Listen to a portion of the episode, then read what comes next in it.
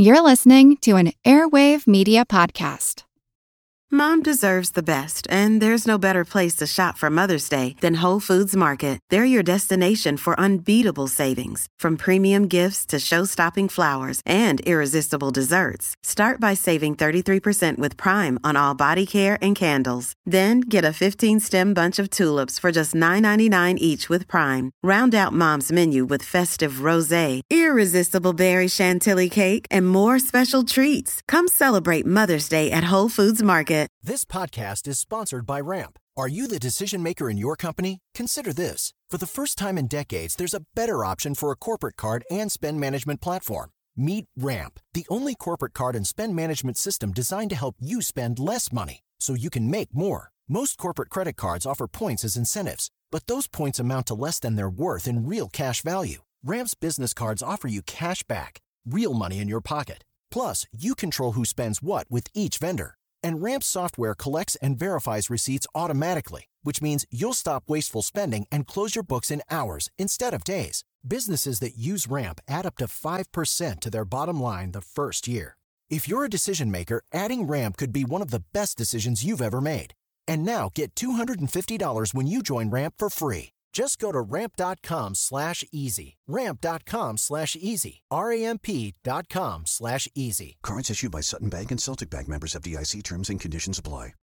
This is Kick Ass News. I'm Ben Mathis. We read their quotes in Bloomberg Business and hear them talk about any number of tech and business related podcasts, but sometimes it's hard to know what Silicon Valley executives are really thinking. Wonder what gets VMware CIO Bask Iyer out of bed each morning? Or what show its senior VP of sales can't stop watching?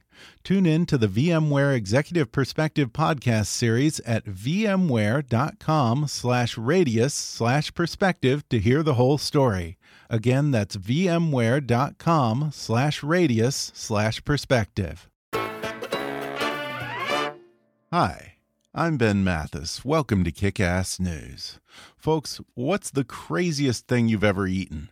Chicken gizzards? Liver? Maybe a Rocky Mountain oyster on a dare once? Well, if you think you've got an adventurous palate, trust me, you've got nothing on my guest today. There's literally nothing that's edible that James Beard Award winner Andrew Zimmern won't try at least once. For a dozen years now, he's traveled the world eating some of the most unusual foods, from blowfish to pig rectums to all manner of reproductive organs, for his travel program Bizarre Foods on the Travel Channel. The highly popular show has taken him to over 170 countries and led to a half dozen other shows for Andrew on the Travel Channel, including his latest, The Zimmern List, on which he shares some less exotic but beloved hidden gems in your favorite cities across America. Today, Andrew joins me to talk about how he became the man who'll eat anything and some of the most astounding bites he's sampled over the years. He reveals the strangest delicacies that turned out to be amazingly good, whether he's finally learned to love his old nemesis, the famously stinky durian fruit, and a couple of foods that even he absolutely hates. Spoiler alert, they're surprisingly boring. He'll discuss his broader mission to spread tolerance and understanding by showing Americans that no matter what we eat or how we eat it, the simple joy of sharing a meal is universal, and as he puts it, social change often starts with our stomachs. He recalls the inspiring story of how he went from living on the streets to globe trotting on the Travel Channel. He explains why his newest show is his most personal one yet, and why he finally decided to share the one special restaurant that he swore he'd never reveal to the public. Plus, why freshness matters when eating testicles, the best bird fetus you ever ate, and two words snake wine. Coming up with the Travel Channel's Andrew Zimmern in just a moment.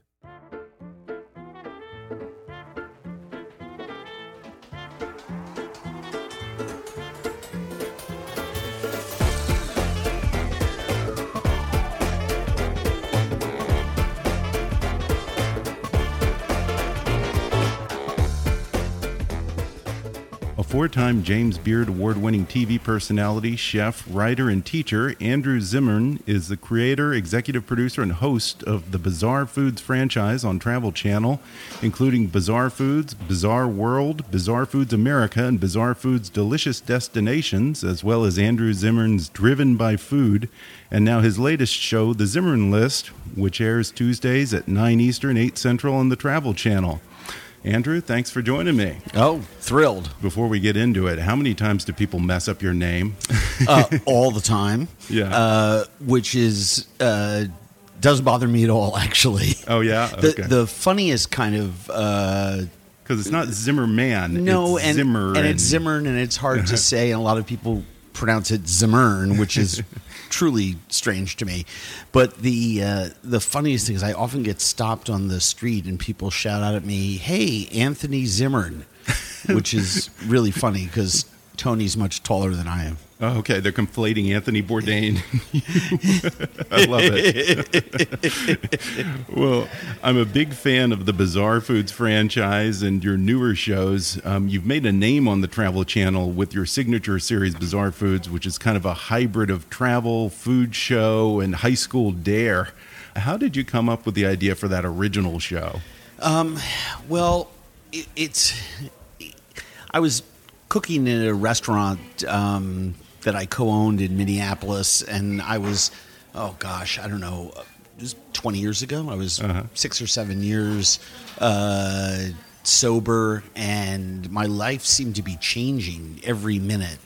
And I noticed that while I was working on concepts for my personal wellness around patience, tolerance, and understanding, it it struck me one day reading the newspaper that the world was beginning to define itself by our differences sexuality religion music Sure. skin color in a louder and louder voice and Not in a helpful way. not quite the opposite.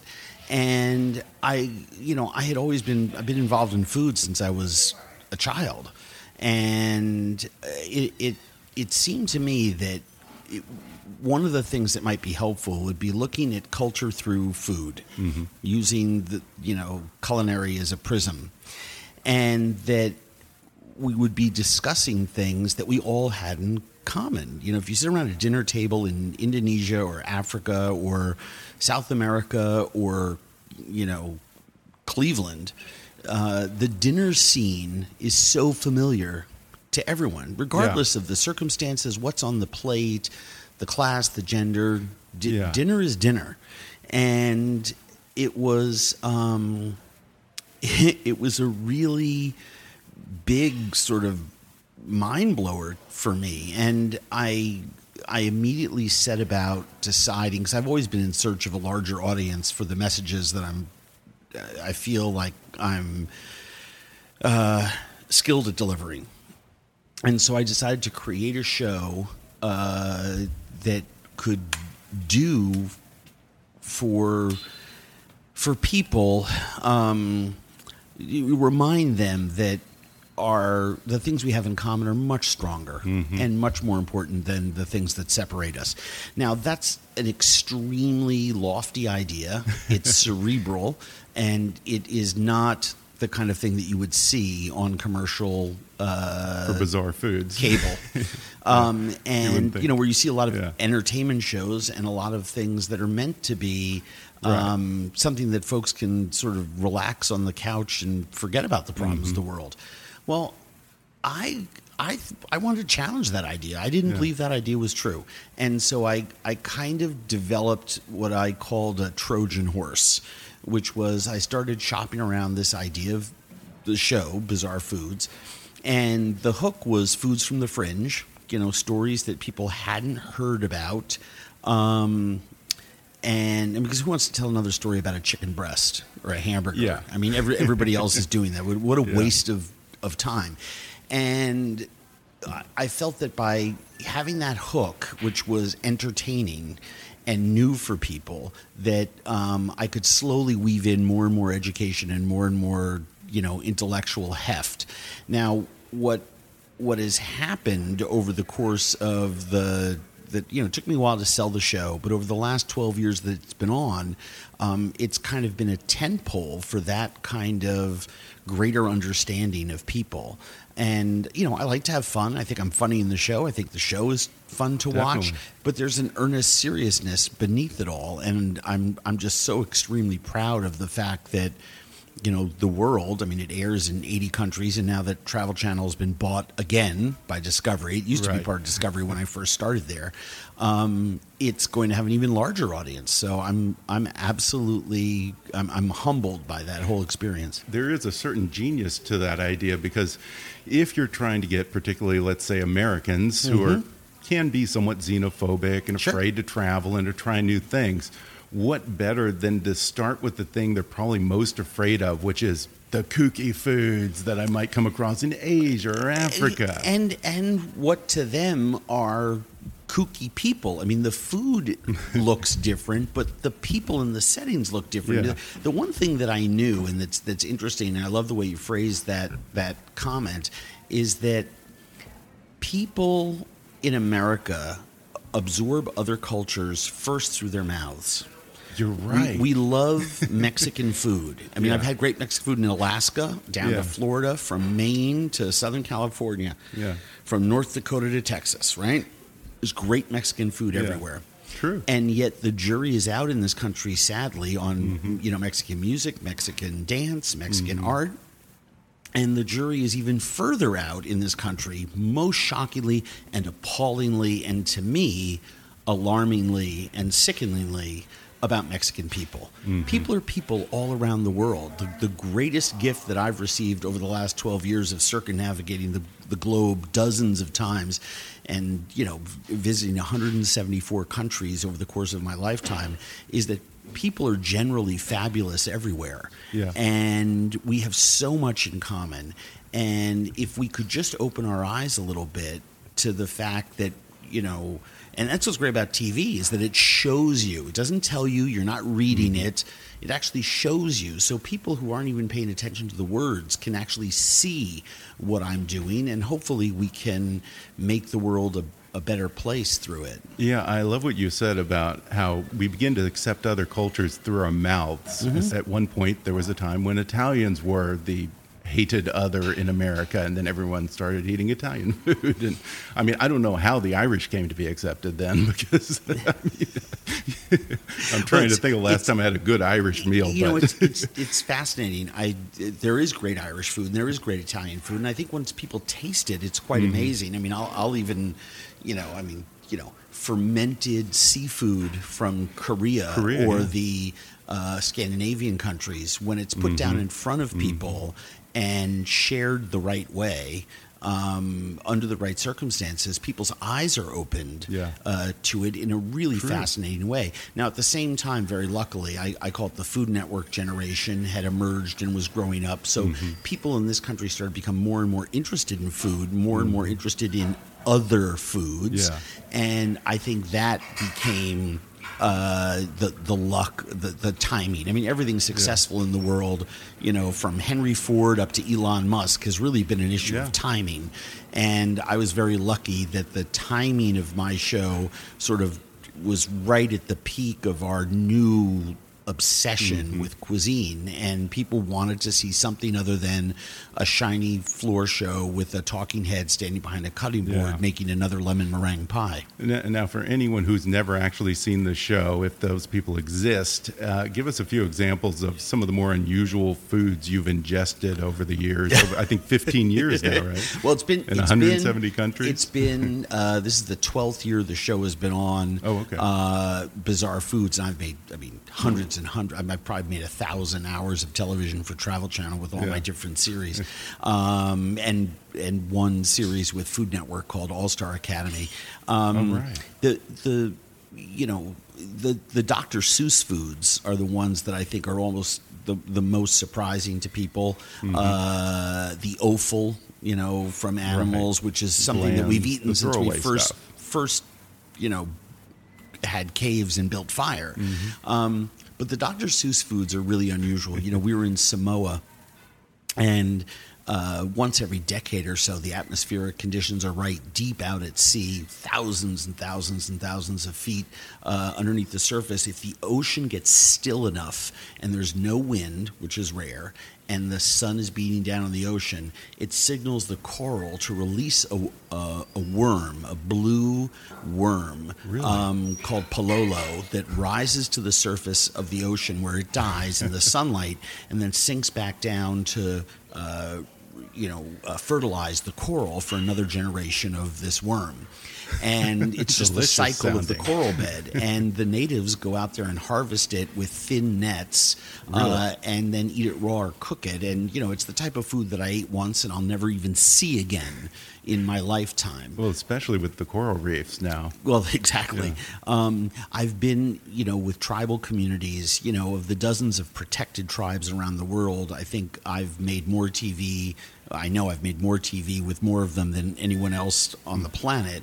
And you see bushmeat and other tribal delicacies coming out of the, the jungles and deserts where and river systems where these peoples are secreted away and you see you know species of birds species of fish species of you know fruits and vegetables that aren't available or seen anywhere Yeah. else in the world and that just constantly blows my mind Yeah. Now, what is something that probably sounded completely repulsive to you, and you told the crew, you know, keep the Pepto or a barf bag on standby, and you were just completely amazed once you tried it? Um, you know, believe it or not, uh, it was the first time I tried uh, tiny little birds. Uh, whether Is it was ortolan? well, ortolan are Or ortolan? famously banned in France now, Right. but I, I will admit I have been a guest at not on camera at some of the several quote unquote Yeah. secret societies that still enjoy them. But you know, when someone presents you with um, uh, you know, a tiny, small, little cooked bird and says, "Hold the beak and eat all the rest of it," you're, you're you're kind of surprised.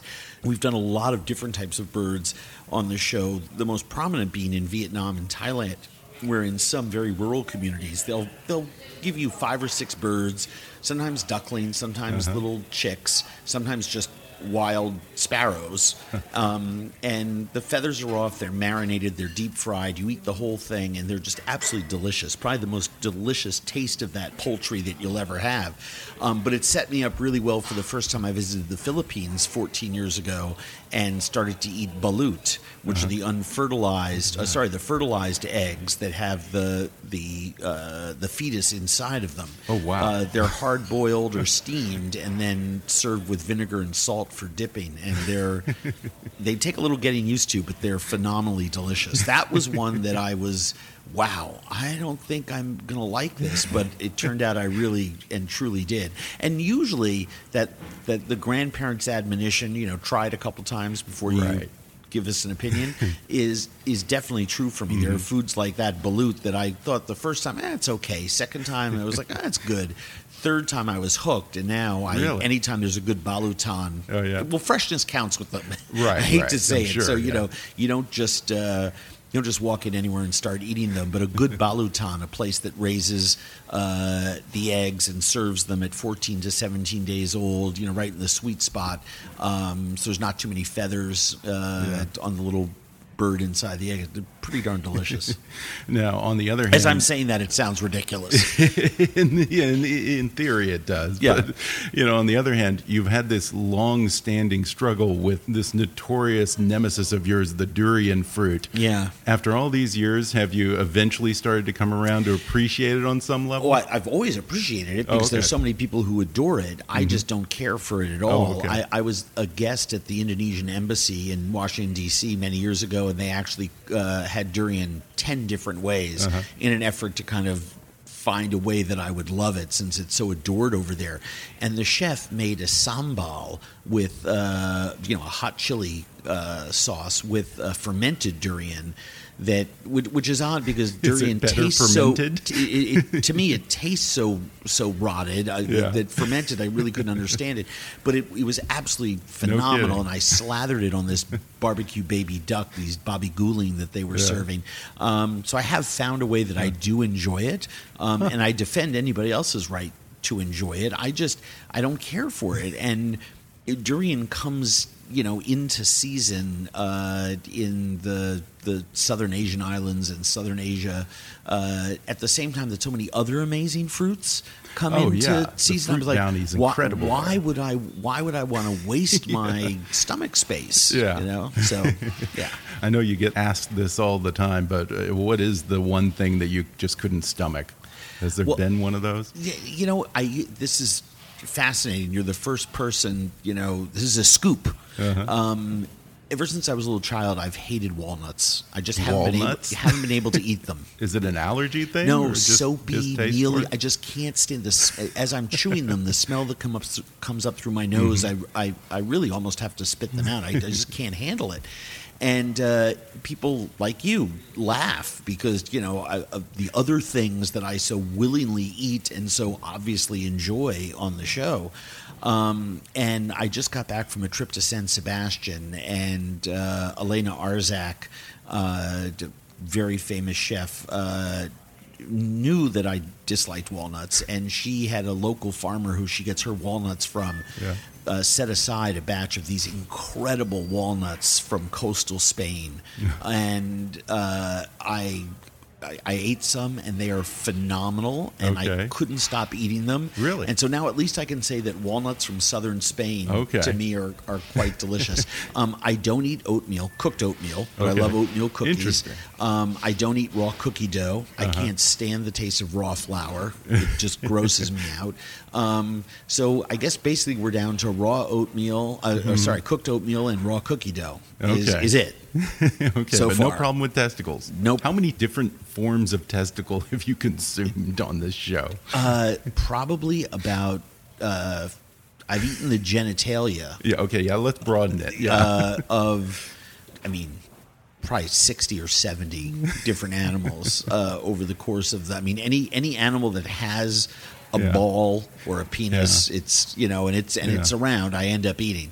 Um, but what's uh, I don't do it gratuitously in the sense that I don't seek it out. I do it in places, you know, the culture they eat all of the Right. animal, and they've found a way to prepare them. Now I know it's going to sound funny, but if you talk about freshness counting with something, Yeah. are certain foods that notoriously start to go bad almost instantly once uh, the animal's life or the body part is separated from the animal. Okay. Um, testicles are one of them. Just like skate wings uh, become more ammoniated. Uh, I've heard the further Yeah. from, you know, dispatching the animal uh, Yeah.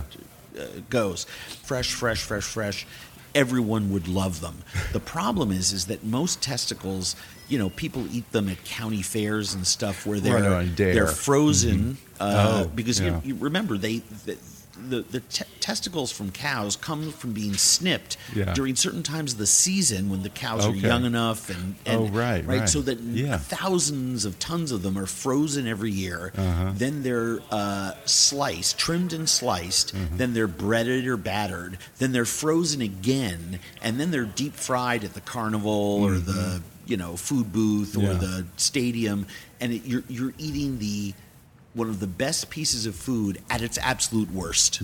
Commercial product, Yeah. three years old, frozen twice. We're going to take a quick break, and then I'll be back with more with Andrew Zimmern when we come back in just a moment.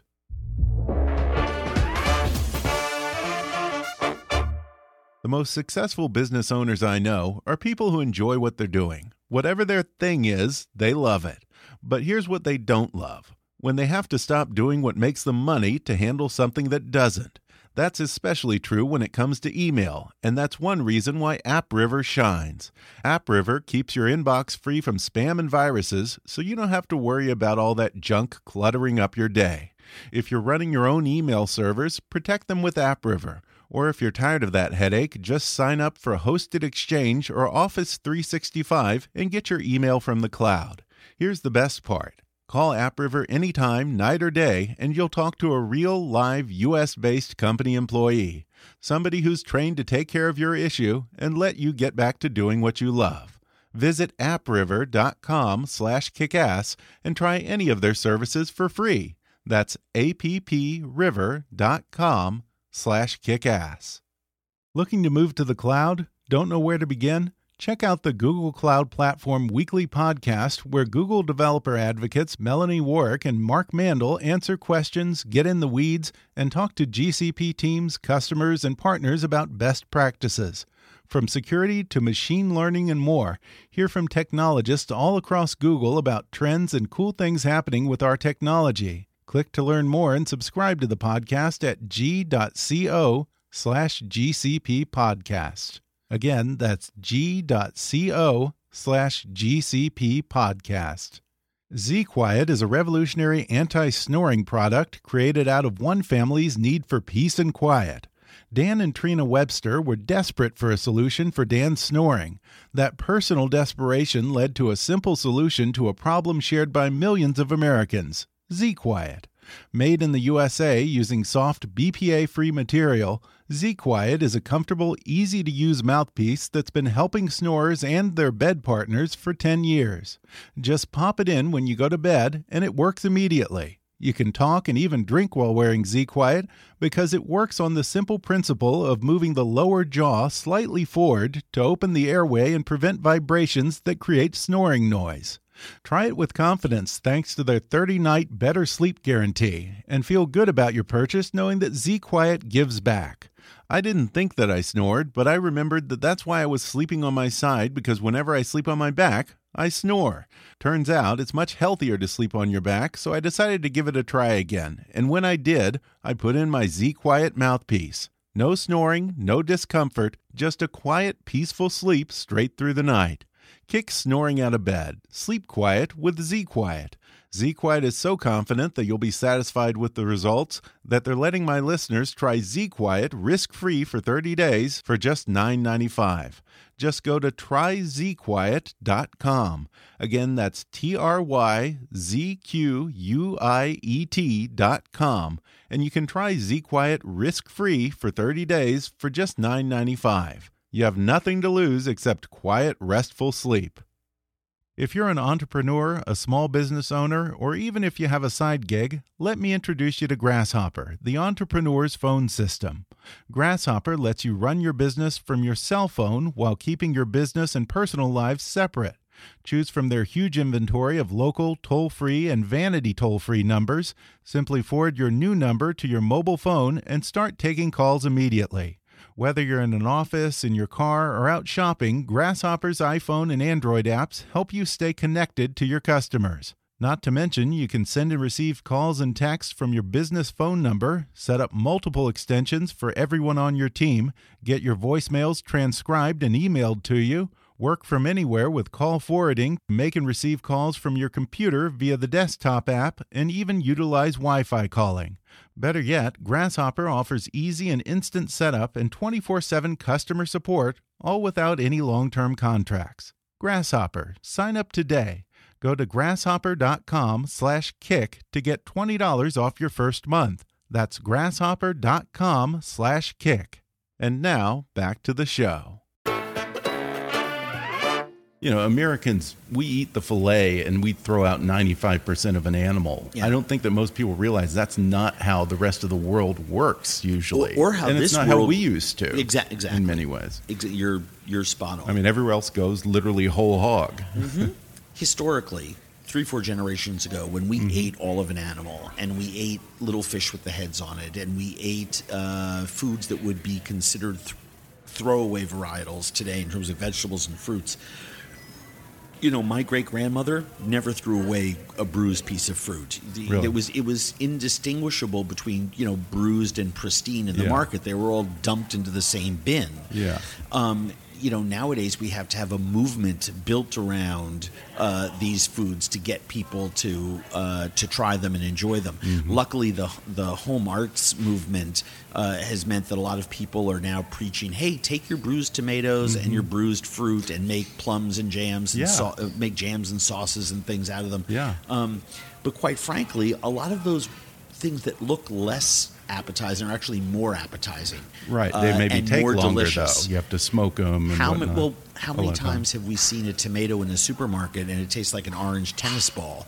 uh, because it was plucked green, it Mm-hmm. was you know gassed to turn color, and I mean you know the modern Yeah. supermarket in many cases was a huge boon to American culture during the you know decades that it became a, a, a neighborhood staple. But the American supermarket has also been our downfall. Mm-hmm. And when it comes to meat, prepackaged small portions of pieces that could be cooked quickly. Mm-hmm.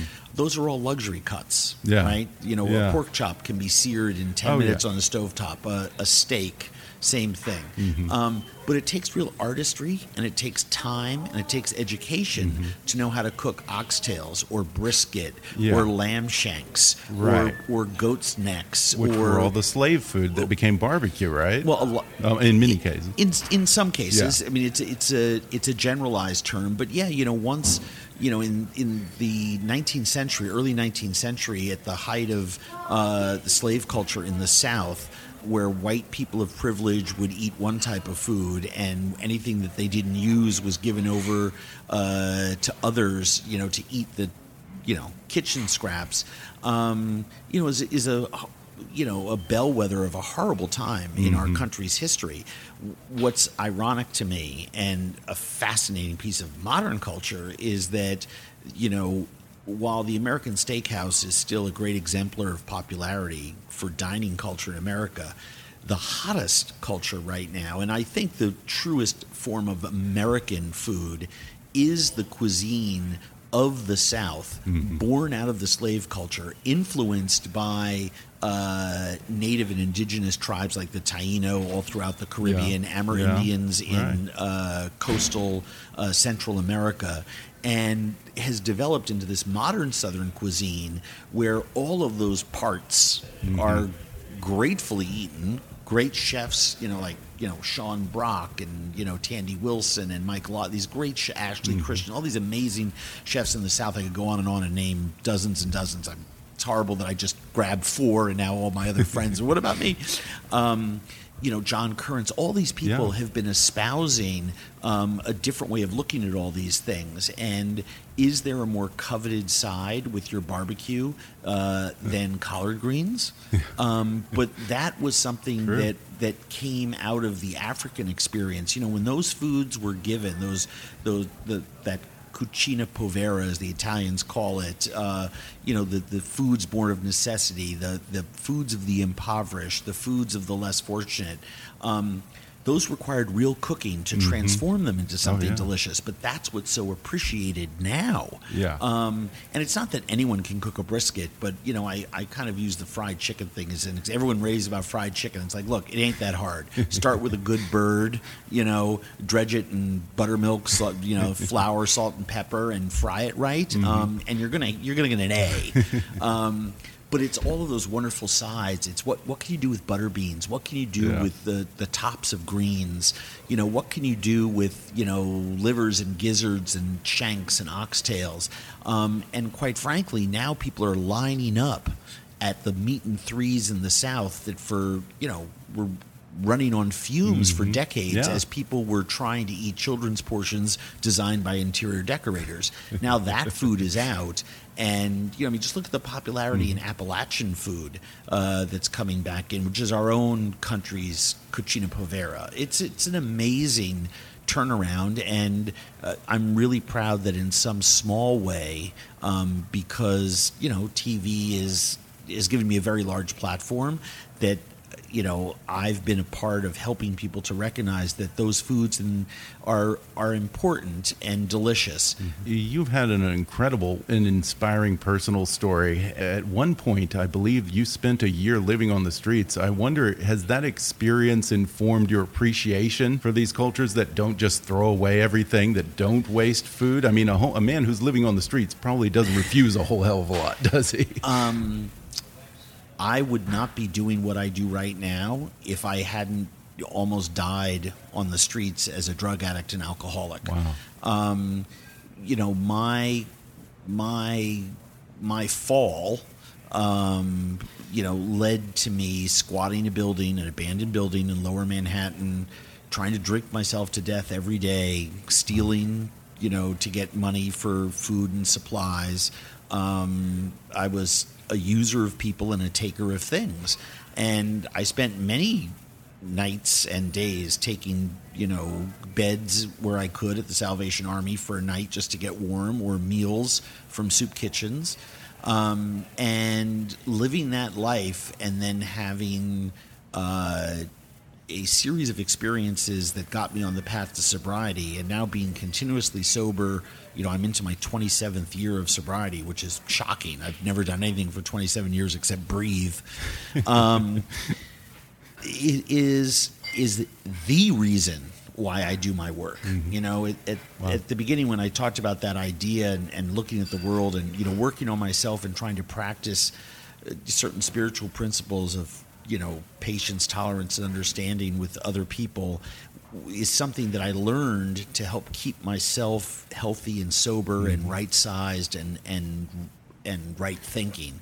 And I it wasn't equating with the world that I was seeing in my food life. And so I, I still loved my food life. I wanted to stay in a food life. I wanted to work in the food business, but I realized I needed to change what I was doing. Mm-hmm. And so it's it's a it's a direct correlation. And quite honestly, um, you know, it's not just that it gave me an appreciation for other cultures, but surviving the the the worst parts of my bottom before I got sober um, has given me a an appreciation for other cultures and other people in a way that had I not experienced it, I wouldn't have. Yeah, I, I have to wonder then: is sobriety difficult when you're doing this show and people are having you into their home and you're trying all these unusual types oh, of food? and they probably offer you sake or whatever. Yeah, uh, it's not the, hard. Is that ever delicate no, because, how to no? Because the the fact, that? the fact of the matter is, at a certain point, you kind of are more firmly on the path. It doesn't yeah. mean that I'm I'm still at arm's length away from a drink, but it's easier to choose right. not to. When I go into other homes, you know, and somebody offers me saying, I just, you know, in other cultures where they don't understand alcoholism yeah. or drug addiction, I just simply say I'm allergic and I can't. Oh, and okay, people are very, yeah. very understanding. Now, mm-hmm. in famously in a Russian banya in Dallas, uh, I was with a uh, uh, an owner of this bathhouse, and we had shared yeah. an entire morning together. And in a very comical situation, he kept putting shots of vodka in front of me, and I kept he kept saying, you know, vodka, and I kept saying yet, and he goes vodka and yet, and you know we, we were laughing hysterically. Um, but they understand alcoholism very well in Russia, and I just finally I just looked at him and I just said I said, dude, I'm a sober alcoholic, and he just looked at me, his eyes widened as if I was the devil, because yeah. clearly he'd considered, I, I, guess at some point in the past that maybe he wanted to quit drinking, um, but no, it's really it's never been yeah. a problem for me at all. In fact, the only thing episode season actually it was the pilot uh, for Bizarre Foods, I was offered a glass of snake wine in a snake uh, wine. Yeah, in what a, the hell is that? It's it's a wine that's infused with a dead snake. It's oh really awful stuff.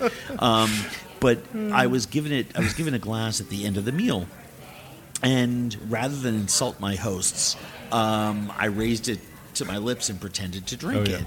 And I realized when I went home that night that I was being dishonest with myself uh-huh. and dishonest with them. And it was more importantly that I was dishonest with myself. Yeah. And I swore I would never do that again, and I never have. And it's funny because whenever it airs, I get yeah. tons of people, you know, texting me like, did you pretend to drink that? And I was just like, yeah, and I don't do that. You know, it's like, it was, you know, I so there have been lots of changes and lots of things that I no longer do. Um, but sipping that snake wine was, uh, or putting it to my lips rather, was and pretending to drink it was one of the more comical things for me. I'll, I'll just never forget the thought processes. But that's typically something that people go through when they're doing things that are a first. You mm-hmm. know, it was we were shooting the pilot of the show. I didn't know how I would handle every situation on camera. Yeah, it gives new meaning to the phrase "choose your poison." I guess that's, that's exactly right. well, you now have a new show where you're sharing some of your favorite hidden gems in different cities uh, mm-hmm. uh, for your new show, The Zimmern List. Um, I read you say that this is the most personal show that you've ever done. Why is that? Well, it's personal on on five or six different levels, mm-hmm. and so that's how I've been describing it. Um, first of all, uh, my production company, Intuitive Content, uh, is producing it. So you know that, that's that's uh, and you know we've we've produced other shows. We produced Driven by Food. We've done, you know, we've done shows for other people and are continuing to grow. It's really exciting being an entrepreneur in the TV space, um, and I'm really proud of our whole team at Intuitive. Um, I think it's the best linear production company in food and travel TV around, but I'm biased. Um, so that's personal. Uh, second thing is that it involves a lot of personal choices for me because I'm doing things in the show that I would do if the cameras weren't there.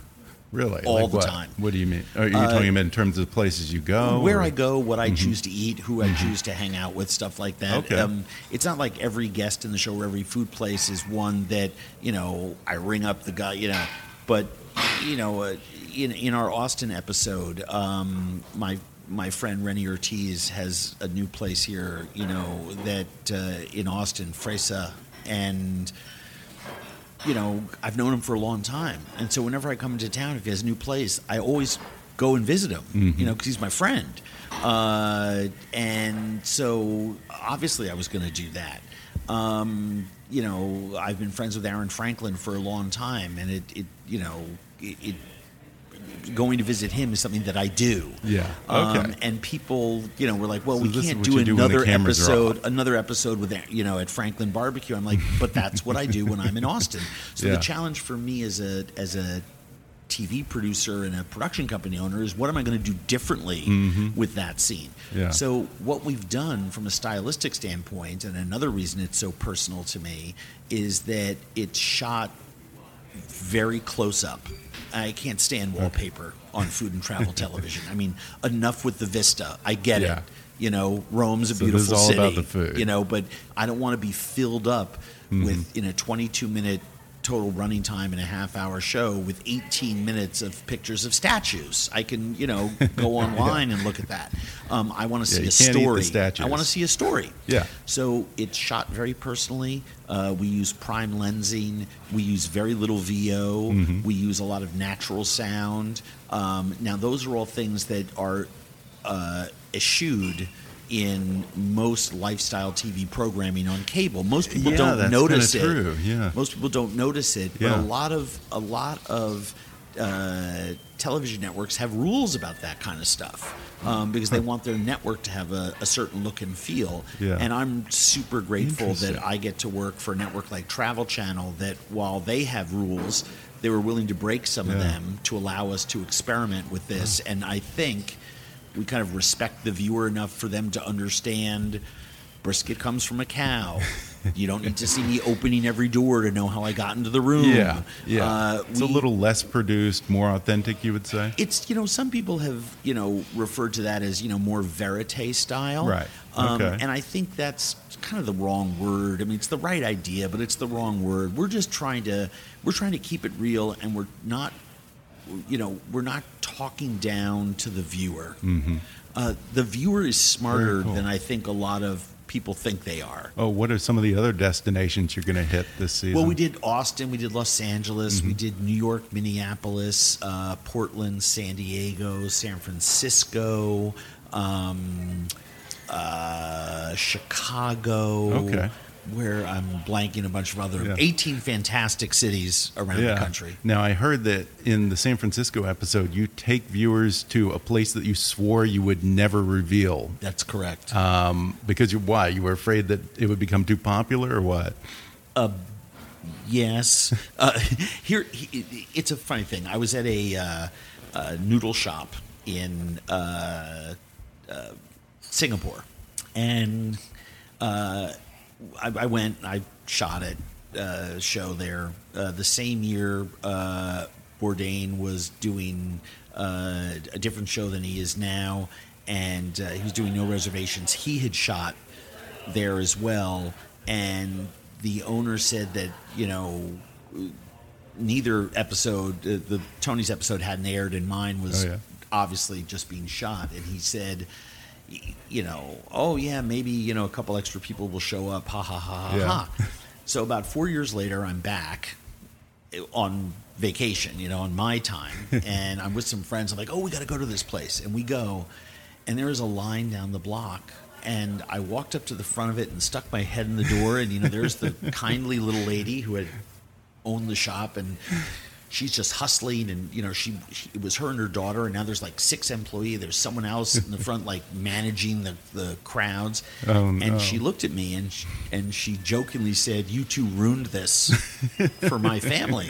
And i started to actually talk to her about it and uh. she you know she said look i'm you know business is great it's wonderful you know so i'm half kidding but i'm half serious because now it takes so much energy to manage this business because you've made it Yeah. you guys have made it so popular everyone circles it so everybody who comes has to go check it out Yeah, you Um, complicated her life so- there. exactly. Now, on the flip side of that, I've walked in. There's a, a place in, uh, I think it's in Birmingham called Eagles, Yeah, and yeah. it's a meat and three place. And Okay. it was out of business. It was dead. They just didn't know it yet. Uh, they were serving a handful of customers. They used to do 300 customers a day because they were in the in the shadow of a big factory down there. And so breakfast, lunch, and then after shift, all the factory workers would come. And for 50 years, it was one of the more popular little tucked away secret neighborhood eateries. Well, we walked in and th- they didn't have a customer the whole day when we were there. No kidding. Wow, the whole And- day. And the whole day and uh, well, the factory went out of business, and the neighborhood, uh, you know, became more famous for you know drugs and violence than anything Mm-hmm. else. Well, we highlighted in the show because the people who cook there have a God's gift. I mean, it was some of the most delicious food I've eaten in a long time, and uh, when I went back there two years later, there's a line down the street, and Good they came you. out crying and hugging Wow. me, and I was I was just overwhelmed, and they literally said, you know, it- no one knew we were here until you. So it's it's it's a mixed That's- bag. You know, you can feel good wonderful. Mm-hmm. about it, you can feel bad about it, but there are certain restaurants.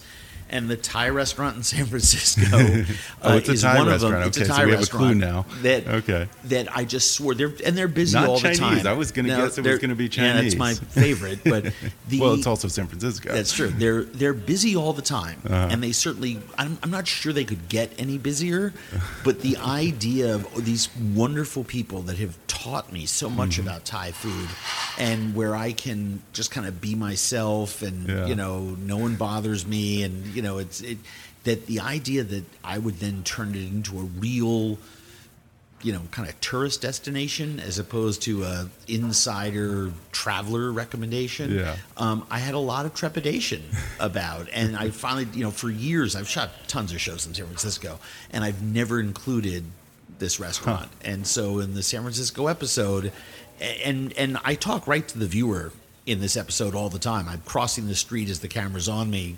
Almost got hit actually by a car, uh, but you know I tell people you know I was never going to divulge this, but you know here goes.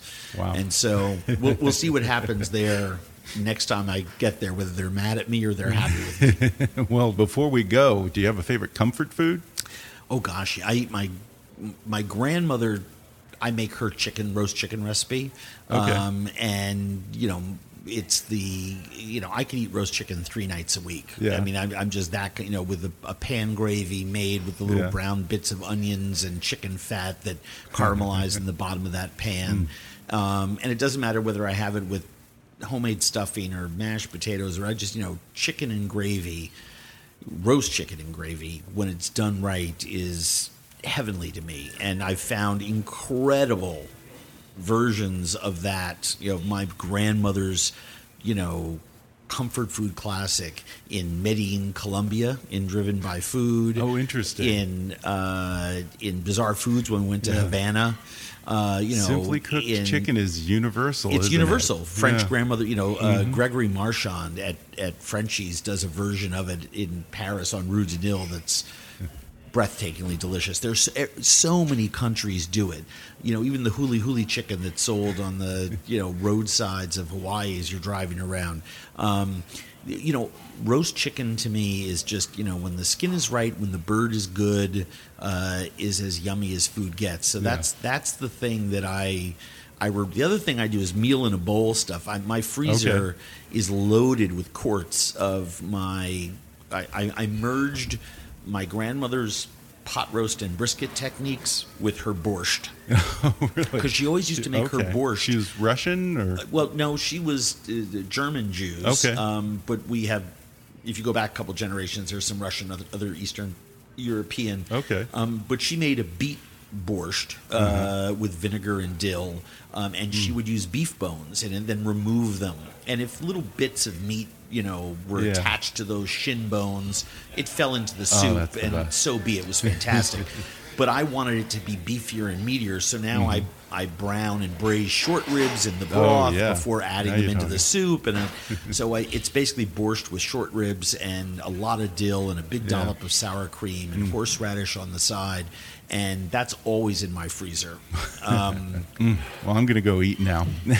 by the way, videos, shameless plug, we Yeah. Uh-huh. started this year on andrewzimmern.com uh, a video series that I created called AZ Cooks. Okay. Uh, which people can go online to andrewzimmern.com. They can follow it on Twitter at, at AZ Cooks.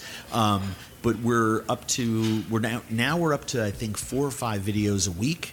Um, takes a while to sort of get production going on those things. We've been at it for about nine months, and uh, most of those dishes, you know, and we're we're adding all the time the foods. Not that I necessarily eat in the show, which are not universally easy for everyone to access the ingredients or the techniques, um, but we're kind of marching through all of my favorite foods over the course of a year. Um, so I, I think people would like that, and several of those Yeah. I just mentioned are all there. So Yeah, learn from the master, folks. Yeah, and again, don't miss the Zimmern list on Tuesdays at 9 Eastern, 8 Central on Travel Channel. Andrew, thanks for talking with No, me. thanks for having me. Thanks again to Andrew Zimmern for coming on the podcast. The Zimmern List airs on Tuesdays at 9 p.m. Eastern and Pacific on the Travel Channel. To learn more, visit travelchannel.com. You can also check out lots of other cool stuff at andrewzimmern.com. That's Z I M M E R N. And follow Andrew on Twitter at, at Andrew Zimmern. If you haven't already, be sure to subscribe to Kickass News on iTunes and leave us a review. You can follow us on Facebook or on Twitter at, at KickassNewsPod. And as always, I welcome your comments, questions, and ideas at comments at kickassnews.com. I'm Ben Mathis, and thanks for listening to Kickass News.